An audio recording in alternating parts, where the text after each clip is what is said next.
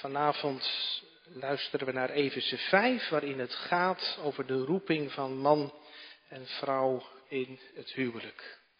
Wij lezen het woord van God in Efeze 5, vers 22. Vrouwen, wees uw eigen mannen onderdanig, zoals aan de Here.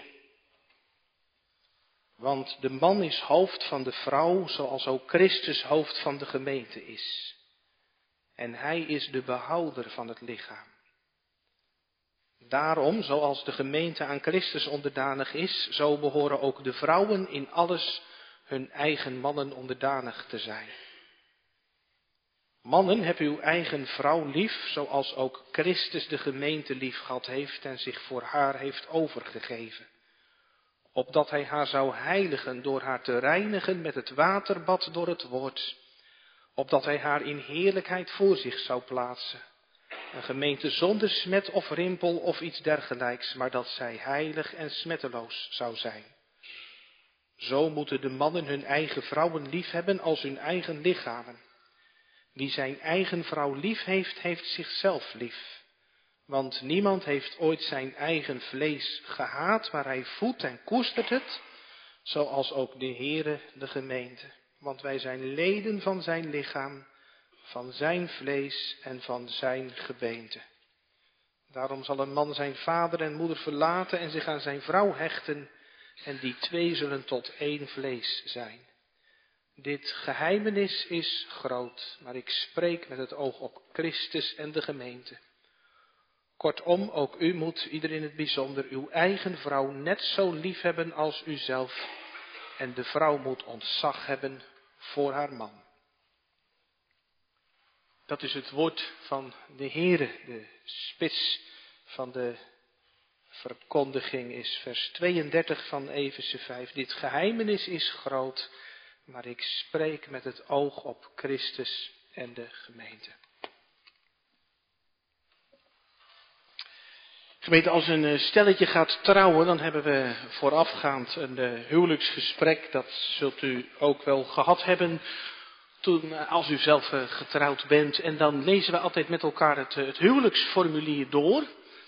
Een prachtig formulier, maar daar staan ook een paar zinnetjes in en daar zou je je een klein beetje in verslikken als je dat leest met 21ste eeuwse oren. Want het klassieke huwelijksformulier vertelt dat de bruidegom het hoofd is van de vrouw. En tegen de bruid wordt gezegd dat zij onderdanig heeft te zijn en haar wordt de vraag gesteld of dat zij belooft om gehoorzaam te zijn.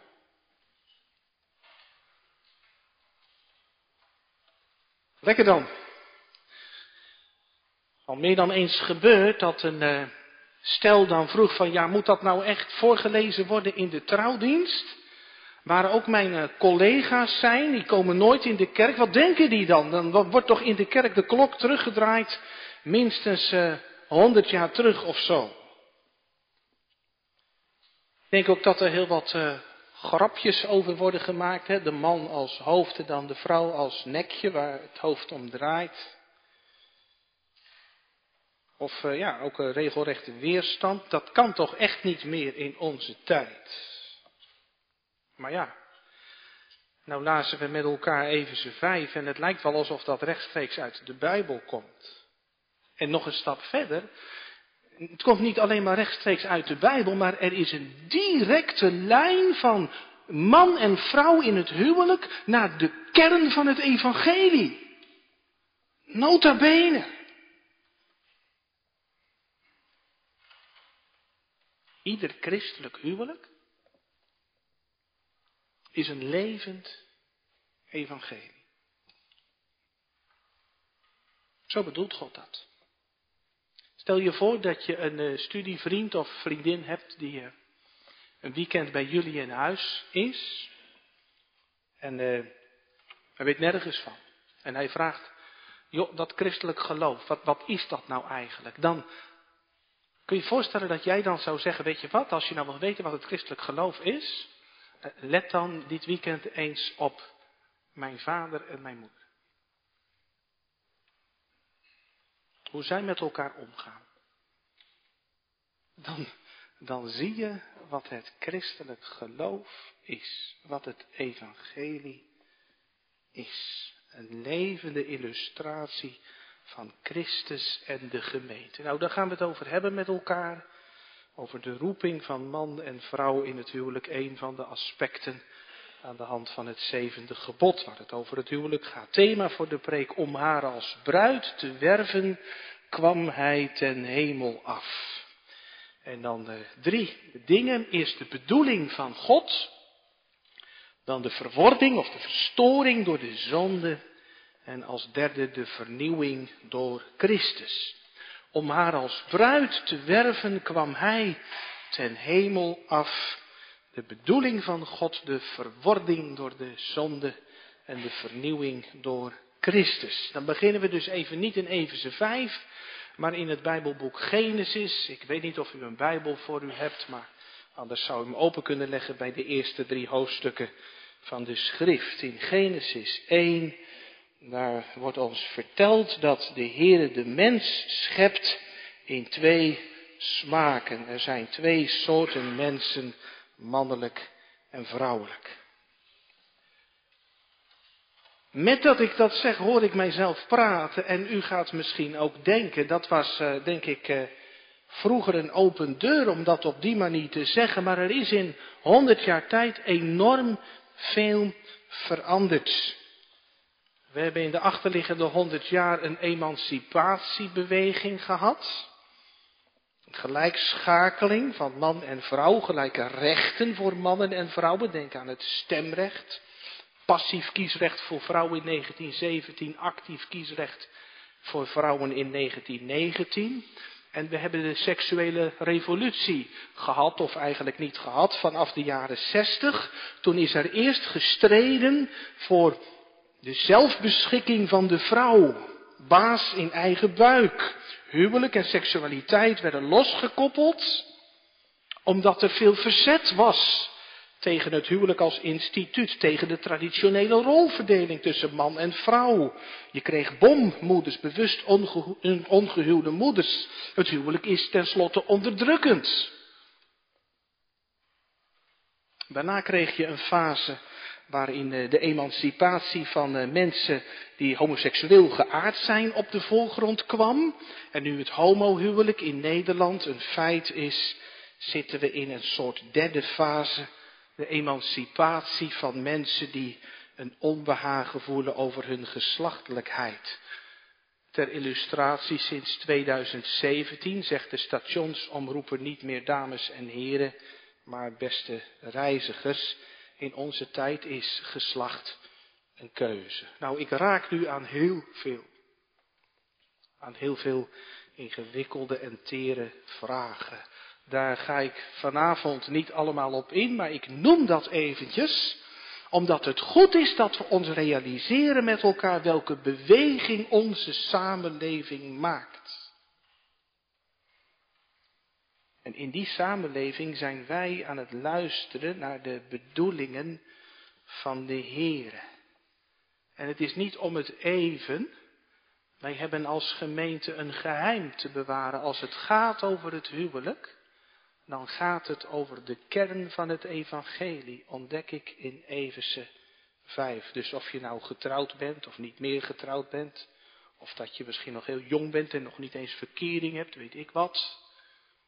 Het gaat uiteindelijk over de kern van het evangelie, over het geheim van de gemeente. Dus gaat het over ons allemaal. Hoe heeft God het bedoeld? Als je Genesis leest, dan ontdek je in het tweede hoofdstuk dat God man en vrouw als team heeft bedoeld. Zij hebben een gemeenschappelijke opdracht, maar een verschillende rol. Dat noemen we de scheppingsorde waarbij God de man aanstelt als leider. Hij is eindverantwoordelijk. Als u uw Bijbel open hebt, Genesis 2, vers 15. God zet Adam in de hof van Eden om die te bebouwen, te bewerken en te onderhouden. En in vers 16, daar geeft God aan Adam het proefgebod. Je mag van alle bomen eten, behalve van die ene. En Adam wordt door God eindverantwoordelijk gehouden. In Genesis 3 als de mensen hebben gezondigd, dan roept God ze tevoorschijn uit de bosjes en dan zegt de Heer niet, Eva, waar ben je? De Heer weet heus wel dat Eva begonnen is, om het maar zo te zeggen, maar de Heer zegt, Adam, waar ben je? God schept eerst Adam als de leider en God schept Eva als hulp tegenover. Dan wordt in het Hebreeuws het woordje ezer gebruikt voor hulp. En dat woordje kent u. Dat kent u uit Eben ha ezer. Steen der hulp. En dat woordje ezer wordt voor de Heere zelf gebruikt. Hij is de hulp van de mens. En zo wordt Eva aan Adam gegeven als hulp tegenover. Blijkbaar redt Adam het niet alleen. En tegenover, daar zit iets in van Eva vult Adam aan.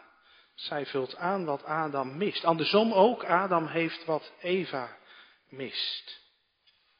Adam is het hoofd, dat woord dat wordt in Efeze 5 ook gebruikt. Nou ja, dat kan een kind vertellen. Wat zit er in je hoofd? Er zitten je hersenen. En dat gaat in heel veel gevallen ook op dat in het huwelijk de man nogal eens de nuchtere, de denkende is. En de vrouw als lichaam, wat zit er in je lijf? Nou, daar zit je hart, daar zitten je ingewanden. En in de Bijbel is dat de plek van je emotie, van je gevoelsleven. Bij ons gaat dat heel goed op. Mijn vrouw voelt de dingen veel beter aan dan ik. God heeft man en vrouw onderscheiden geschapen om elkaar aan te vullen. Man is vaak gericht op prestatie, een vrouw op relatie. En dat zijn natuurlijk geen waterdichte schotten, hè? alsof een vrouw geen verstand heeft en een man geen gevoel. Maar wel God versiert ze met een eigenheid. Met als bedoeling om elkaar aan te kunnen vullen, om zo samen God te dienen, een eenheid te vormen. Want een man kan zomaar te hard, te zakelijk worden. Trapt de vrouw op de rem. Of andersom, een vrouw kan zich zomaar al te zeer laten meeslepen door haar emotie. Dan is het een zegen dat God een nuchtere man naast je zet. Zo heeft God dat bedoeld, man en vrouw als team. Als uh, orkest. Misschien is dat een mooi beeld. Niet een zandloper, maakt niet uit welke kant je boven zet, maar een orkest. Ieder speelt zijn eigen partij, maar als je maar aan de partituur houdt, dan wordt het mooi. Dan komt het tot klinken. Als je van de partituur afwijkt, of je gaat je eigen variaties spelen, of je eigen tempo aanhouden, dan wordt het een chaos. Maar als je je houdt aan de partituur, dan wordt het een klinkend geheel. En het is dus echt een list van Satan die het doet voorkomen alsof de vrouw een soort tweederangs schepsel is. Dat is gewoon een list van de Satan. De vrouw minderwaardig zou zijn of zo. Laat je niet gek maken. Man en vrouw zijn samen beiden geschapen naar het beeld van God, lees ik in Genesis 1. En in Galaten 3 lees ik dat man en vrouw samen erfgenamen zijn van het eeuwige leven. Wel gelijkwaardig, maar niet gelijkaardig, om het zo te zeggen. De bedoeling van God. En dan de verstoring, de verwording door de zonde. Dat is eh, elke keer weer, hè, als je leest in die eerste hoofdstukken van de Bijbel, zo ongelooflijk aangrijpend en triest. Dat Gods goede schepping niet blijft zoals zij was. Dat mooie ontwerp van God, dat raakt verknoeid. Als je Genesis 3 leest, dan ontdek je dat Adam de afwezige leider is. De slang spreekt Eva, de vrouw, aan en Adam laat het gebeuren. Hij neemt zijn verantwoordelijkheid niet. En Eva had Adam om raad moeten vragen. Adam, wat die slang nou voorstelt, kan dat? Jij moet het zeggen, jij bent de leider, jij hakt de knopen door. Maar Eva neemt zo gezegd de leiderspositie over. Zij beslist zelf. Zij neemt van de vrucht. En zij geeft aan haar man die bij haar was, staat in de Bijbel. Adam staat er gewoon bij. Die was een getuige van, van dat gesprekje tussen Eva en de slang. En de gevolgen zijn aangrijpend. Dat team van man en vrouw, dat valt uit elkaar. En ze staan elkaar aan te wijzen. Het is jouw schuld. Nee, het is jouw schuld. Alsof ze zich afreageren op elkaar. Als egoïsten. En dan klinkt daar in Genesis 3 ook de vervloeking uit de mond van God tegen de vrouw, naar uw man zal uw begeerte uitgaan, maar hij zal over uw heerschappij hebben. Wat voor Genesis 3 vanzelf ging, in de relatie tussen man en vrouw, dat kost na de zondeval heel veel moeite. De vrouw zal de zondige begeerte houden om de leiding over de man te nemen. Want het zit helemaal niet in onze aard. Ook als je man bent niet om leiding te accepteren, toch zelf doen. De vrouw zal de zondige begeerte houden om de leiding over de man over te nemen. En de man die vervangt Gods roeping om zijn vrouw te leiden en te beschermen door de zondige begeerte om Eva te overheersen, te onderdrukken. Want mannen hebben van huis uit een hart vol egoïsme. Wat zijn er in de loop van de tijden veel vrouwen onderdrukt, misbruikt, uitgebuit. En je vindt in de Bijbel heel wat voorbeelden van huwelijken waarin het niet gaat volgens Gods wil. Vrouwen die de leiding over de man nemen. Ga maar eens kijken in het paleis van Agap. Wie heeft daar de broek aan? Dat is Izebel. En Agap is de speelbal. Izebel heeft ervoor gezorgd dat de dienst aan de heren meer en meer wordt vervangen door de Baaldienst. En zij zal wel eventjes regelen dat Nabot uit de weg wordt geruimd. Agap en Izebel geen team dat de heren dient.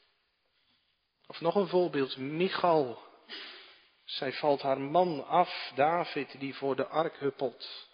Als die thuis komt, dan krijgt David de wind van voren, vol minachting. Ben jij nou de koning van Israël? En de Heere laat zijn ongenoegen merken, want Michal blijft kinderloos. Of denk aan de vrouw van Job, die een slecht advies heeft voor Job. Zeg God vaarwel. En sterf. Maar ook andersom, voorbeelden van mannen die hun vrouw onderdrukken. Wat dacht je van koning Ahasveros? Op de zevende dag van het feest, als de drank rijkelijk vloeit, dan wil hij wel even pronken met zijn knappe vrouw, koningin Vasti. En zij weigert, terecht. En dan wordt ze zonder pardon de laan uitgestuurd. Zo gaan we toch niet met vrouwen om? En in de oudheid, daar kon je wapperen, ook in Israël, met de echtscheidingsbrief. Hè? Ik zou maar mijn best doen, want anders krijg je de bons. Zo gaan we toch niet met vrouwen om. En al leven wij dan in een totaal andere tijd, na de zondeval gaat het in geen één huwelijk meer vanzelf. Anders hoor ik het graag. Ook niet als je samen de Here vreest. Hè? In de Bijbel lezen we heel mooie dingen over hoe Isaac en Rebecca samen begonnen zijn. Rebecca is onvruchtbaar. En Isaac gaat naar haar toe en Rebecca vouwt haar handen en Isaac vouwt zijn handen eromheen. En samen bidden ze de Heere hartstochtelijk. Heere, denk aan uw verbond met Abraham. Doe wat u hebt gezegd en geef ons een kind. Maar de tijden veranderen. Isaac neemt zijn verantwoordelijkheid niet. Hij negeert zomaar de openbaring van de Heer. De Heer had gezegd, de meerdere zal de mindere dienen. Maar Isaac is niet van plan om zich daarnaar te voegen. En Rebecca onderwerpt zich niet. Ze komt in opstand tegen haar man en bedenkt een ander plan. Jacob, haal eens eh, bokjes uit de kudde. Dan gaan we ervoor zorgen dat jij de grote zegen krijgt. En je merkt dat ze uit elkaar groeien, Isaac en Rebecca. Alsof er twee kampen zijn in dat gezin. En ook nu kan het zo zijn. Ook nu heb je afwezige echtgenotes, afwezige vaders, afwezige leiders. Letterlijk afwezig doordat je altijd aan het werk bent, wegvlucht in je werk. Of figuurlijk afwezig, doordat je het laat lopen, de leiding niet neemt, geen tijd neemt om te praten met je vrouw en je kinderen over hoe het gaat en over het leven met de Here. En ook nu heb je vrouwen die hun man minachten, op hem neerkijken. Wat gebeurt er als je als man geminacht wordt? Dan zeg je bekijk het maar, dan draai je je om. Loop je weg, zeker als er minachtende opmerkingen klinken in het bijzijn van anderen. Wat is er veel stuk.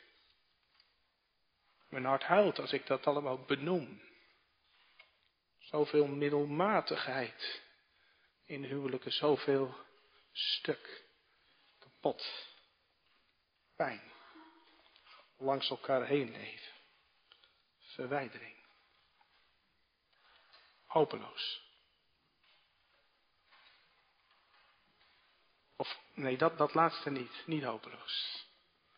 En dan gaan we naar Efeze 5. Dat gedeelte wat we met elkaar hebben gelezen. Dat is het derde van de preek, de vernieuwing door Christus. Daar ligt de spits.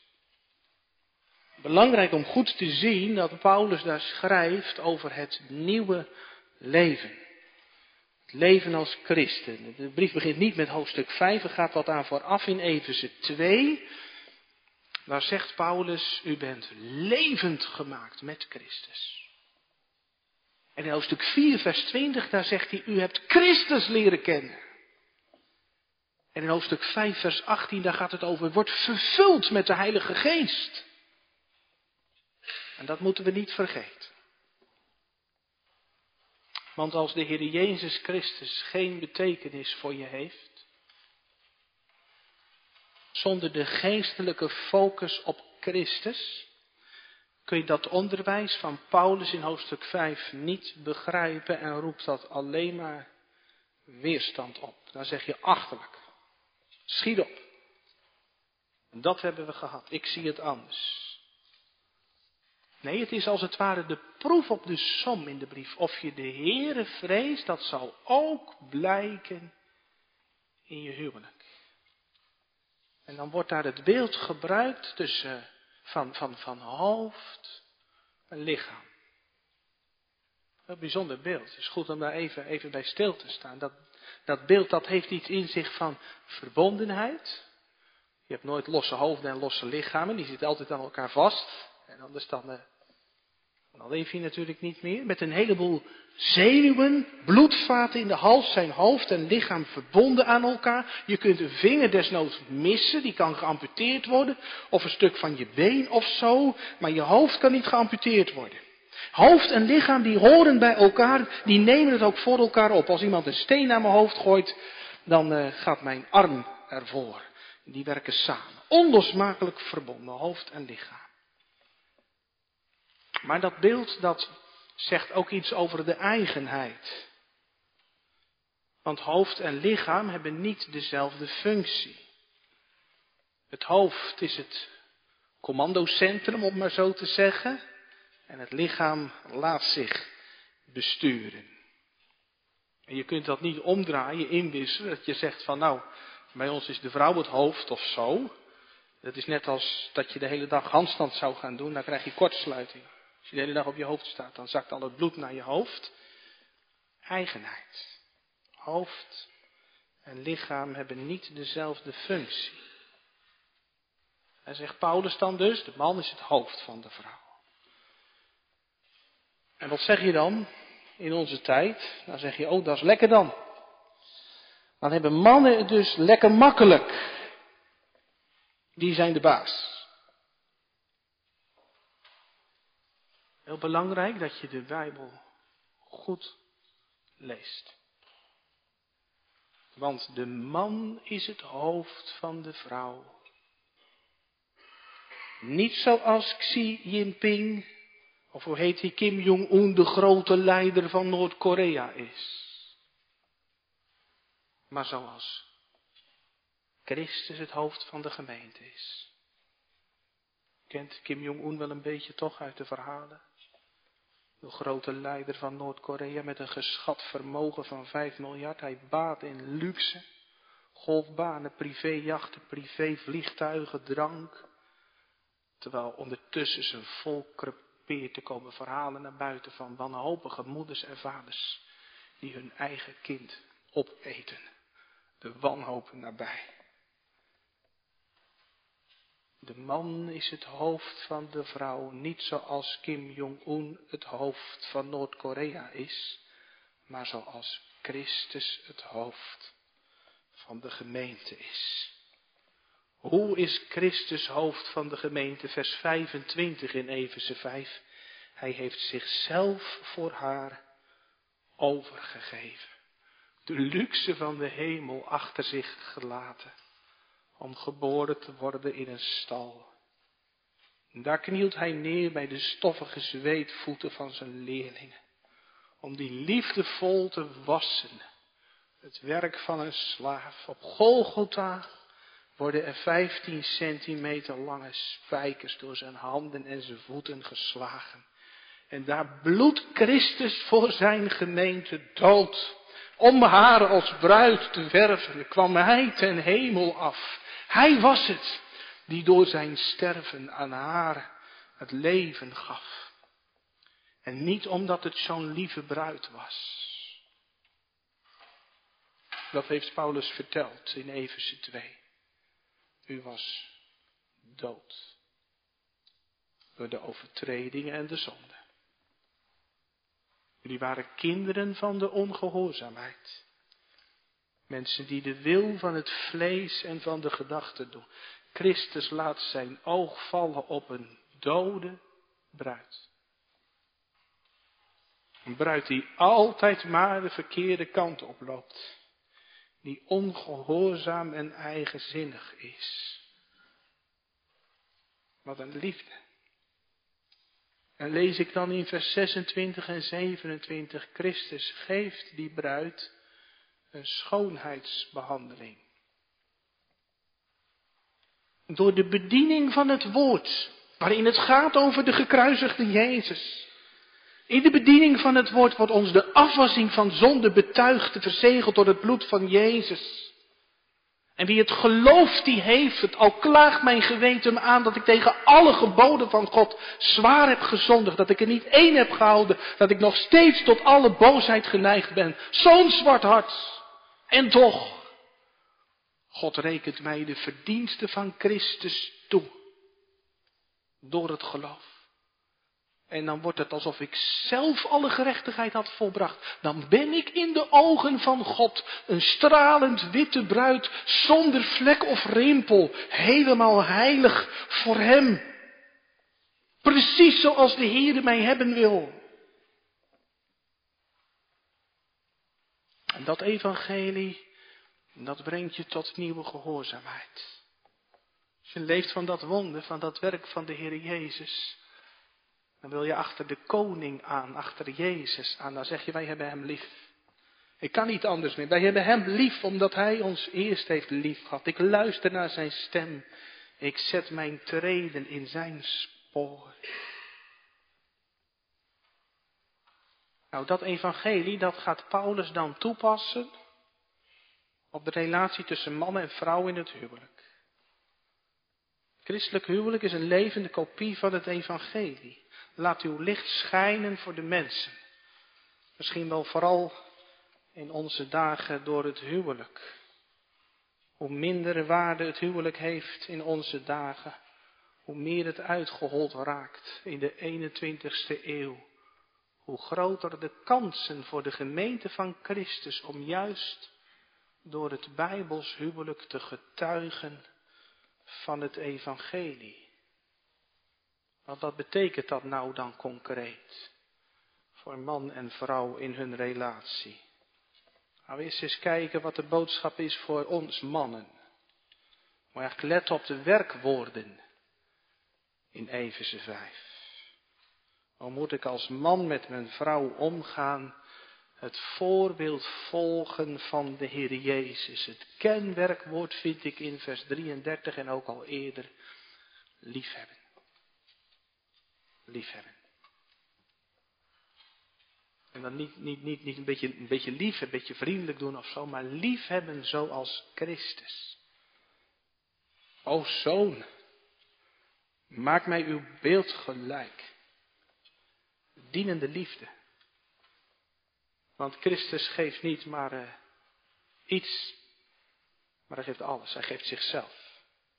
Dat is mijn roeping als man. Mezelf geven voor mijn vrouw. Niet alleen maar rozen en chocola.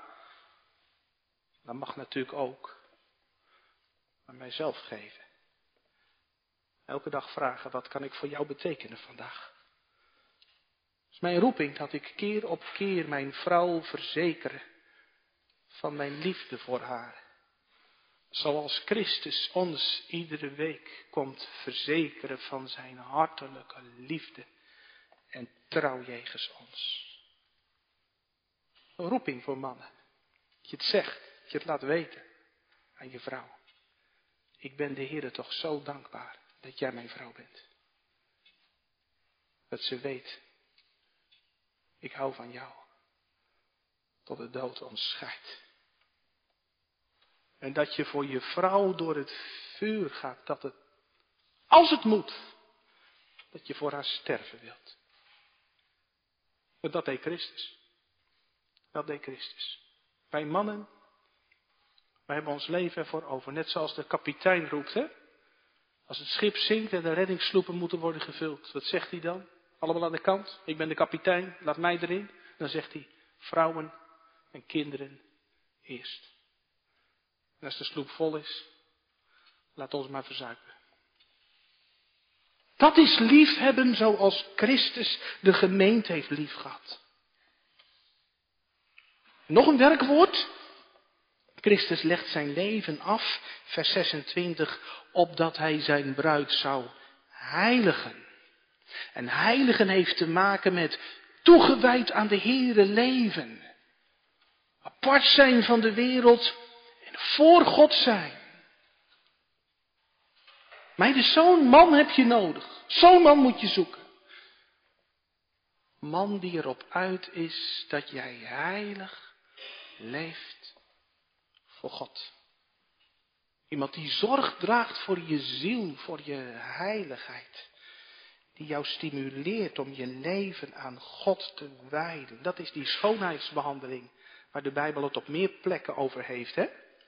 Dat de schoonheid van de vrouw niet bestaat in allerlei uiterlijkheden, maar in eh, de binnenkant. Een stille, een afhankelijke geest die kostelijk is voor God. Leven van genade. In vers 29, daar zie ik ook nog twee werkwoorden staan. Voeden en koesteren. Prachtig. Christus in de hemel voedt zijn gemeente. Hoe voedt hij zijn gemeente? Door het woord. Door het woord waarmee hij leiding geeft, bemoediging, vermaning. En Christus koestert zijn gemeente. Hij is de medelijdende hoge priester. Die betrokken is op zijn gemeente, op hoe het met zijn bruid gaat. Zo moet ik als man mijn vrouw voeden en koesteren, haar voeden met het woord profetisch leiding geven in je huwelijk, onderwijzen. Vraag God voor mij. En koesteren dat je aandacht hebt voor de stemming voor de gevoelens van je vrouw en naar vragen hoe ze zich voelt, voor haar bidden, zoals Christus zich bekommert over zijn gemeente op aarde als hemelse hoge priester.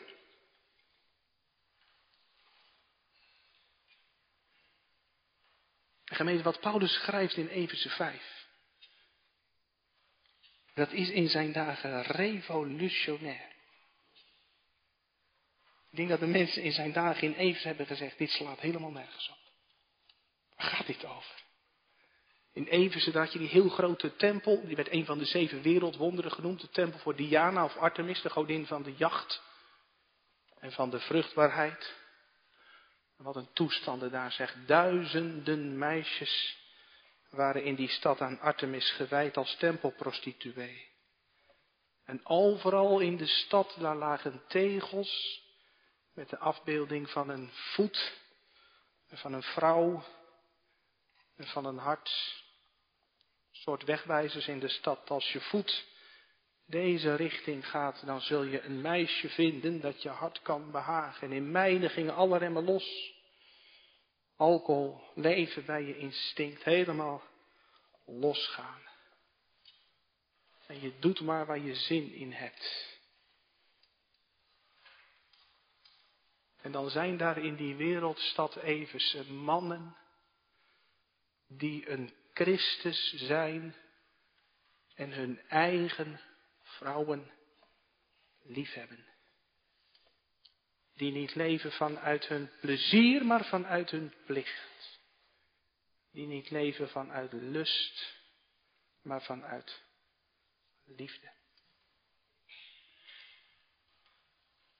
Beroeping voor ons mannen, onze vrouwen liefhebben. En wat betekent Christus en de gemeente nu voor vrouwen? Let ook weer op de werkwoorden. In vers 22 daar gaat het over onderdanig zijn. En in vers 33 gaat het over ontzag hebben, respect. Onderdanig zijn, dat heeft niets te maken met uh, slaaf zijn, maar dat is je vrijwillig schikken in de orde van God. Je man onderdanig zijn als aan de Heere staat erbij. Dat gaat wel ver. Alsof de Heere voor je staat. Stel je voor, je bieden gezegd dat de Heer Jezus naast je in de auto zit. Wat zou je houding zijn? Hoe zou je tegen hem praten? Je man onderdanig zijn als aan de Heer. Dat is wat God van je vraagt als getrouwde vrouw. Dat je hem respecteert. Dat je laat zien dat je hem hoog acht. Dat je zijn leiderschap erkent. Dat je hem niet constant aan het verbeteren bent. Dat je hem ondersteunt. Dat je hem volgt. Ook als je misschien zelf net even wat anders zou willen kiezen. Ja, in, in 98 van de 100 gevallen kom je er samen uit, dan overleg je en dat lukt prima. Maar er zijn ook wel eens van die momenten dat je niet tot overeenstemming komt. Het is prachtig om dan te ontdekken dat God dan in de Bijbel de oplossing klaar heeft liggen. Dan volgt de vrouw de man. Want eenheid is belangrijker dan je eigen gelijk. Dat is natuurlijk ook wel eens in de kerkenraad. Is niet iedereen het helemaal eens. Maar goed, je moet een beslissing nemen. En dan ga je niet zitten mokken als het niet helemaal jouw oplossing is geworden. Want dan kun je als kerkenraad niet functioneren. Ook bij dat volgen in het huwelijk niet mokkend, maar vrijwillig. Je schikken onder je man. Ik heb keer een prachtig voorbeeld van meegemaakt kwam een stel op bezoek. Het zou nog maar een paar maanden duren, dan zouden ze gaan trouwen. En ze had een probleem. Want zij zei, ik ga niet met hem mee naar de kerk. Ze kwamen allebei uit een ander kerkverband. En hij zei, maar ik ga niet met jou mee naar de kerk. En dat hadden ze al honderd keer tegen elkaar gezegd. Wat moet je dan? Dan moet de dominee het maar oplossen. En dan heb ik met hen eh, dat gedeelte uit Efeze 5 gelezen. is prachtig. Dat we toen met elkaar merkten, het woord van de Heer is zo goed, zo heilig, zo wijs. Dat helpt. Want vanuit Efeze 5 kwam de roep naar de aanstaande bruidegom, wees een Christus voor je vrouw. Zoek het beste voor haar. In dienende liefde. En hak dan de knoop door. En vanuit Efeze 5 de roep naar haar. om te bidden om wijsheid. Voor haar aanstaande man, het viel hem zwaar om de knoop door te hakken. Maar als je nou weet dat je aanstaande man het beste voor jou zoekt, is het dan moeilijk of makkelijk om hem te volgen? Nou, eigenlijk zit het antwoord in de vraag. Prachtig om te zien hoe de Heer dat bedoelt en hoe dat werkt in je relatie. De maatschappij zegt, je moet aan jezelf denken. En als we aan onszelf denken, dat werkt scheidend. En de Bijbel leert ons, je moet aan de ander denken. En dat werkt verbindend. En dan zegt de wereld, je bent een ouderwetse vrouw. En je bent geen ouderwetse vrouw als je zo leeft. Je bent ook geen moderne vrouw als je zo leeft. Je bent een bijbelse vrouw als je zo leeft. Het huwelijksformulier noemt heel mooi Abraham en Sarah als voorbeeld daarbij. Mooie illustratie. Abraham krijgt de opdracht van God om te verhuizen naar een land waarvan hij niet eens de naam weet. Hij moet gaan. Nou geloof maar gerust dat Sarah haar bedenkingen heeft gehad. Zou het niet? Ze had gerust kunnen zeggen, weet je wat jij doet Abraham, ga maar alleen. Ik blijf bij mijn familie. Maar dat doet zij niet. Zij volgt haar man en het woord prijst haar daarom. Bijbelse vrouw die haar man volgt. Dan word je misschien geen zakenvrouw van het jaar, dan krijg je misschien ook niet een filmenwoord. Maar wat vindt de Heer? Een vrouw die de Heere vreest. Die zal geprezen worden. Spreuken 31. Nou, dat is wat de Heere vraagt van mannen en vrouwen. Mannen, heb je vrouw lief. En vrouwen, toon respect voor je man. Als je daarna verlangt, dan is eh, de genade van God aan het werk in je leven.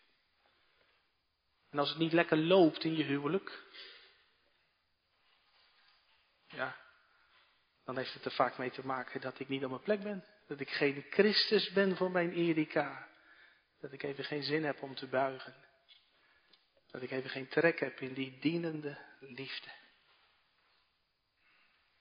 Misschien vraag je af, hoe ver gaat dat eigenlijk? Hè? Dat liefhebben en dat onderdanig zijn.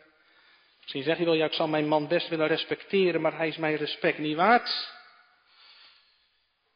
Maar het gelijk is natuurlijk wel een grens aan dat volgen. Hè? Wij moeten goden meer gehoorzaam zijn dan de mensen. Wat zijn er ongelooflijk trieste situaties van misbruik en huiselijk geweld. En uh, als vrouw mag en moet je natuurlijk ook wel een tegenover zijn voor je man. Joh, wat jij wilt met je leven, met je werk, met je bedrijf, met je geld, is dat nou tot eer van de Heer? Dat is ook je roeping. En toch, de Heilige Geest leert ons denken vanuit onze roeping. De vrouw moet ontzag hebben voor haar man. Dat is wat anders dan mopperen op je man. Ontzag hebben voor je man, daar moet je eens tegenover de Heere verantwoording van afleggen. En de man moet zijn vrouw lief hebben. Ook als ze moe is. Of mopperig. Als ze gaat dementeren. Bij de parken hebben we met een groep studenten een keer een eh, stukje van een documentaire bekeken. Het ging over een man die zijn dementerende vrouw vol liefde verzorgt. Oneindig geduldig. En weet u wat die vrouw de hele dag door tegen haar man zei? Rotzak. Rotzak. Rotzak.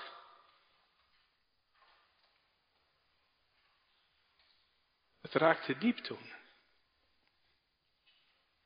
Want daar zag ik iets van dat geheim tussen Christus en zijn gemeente.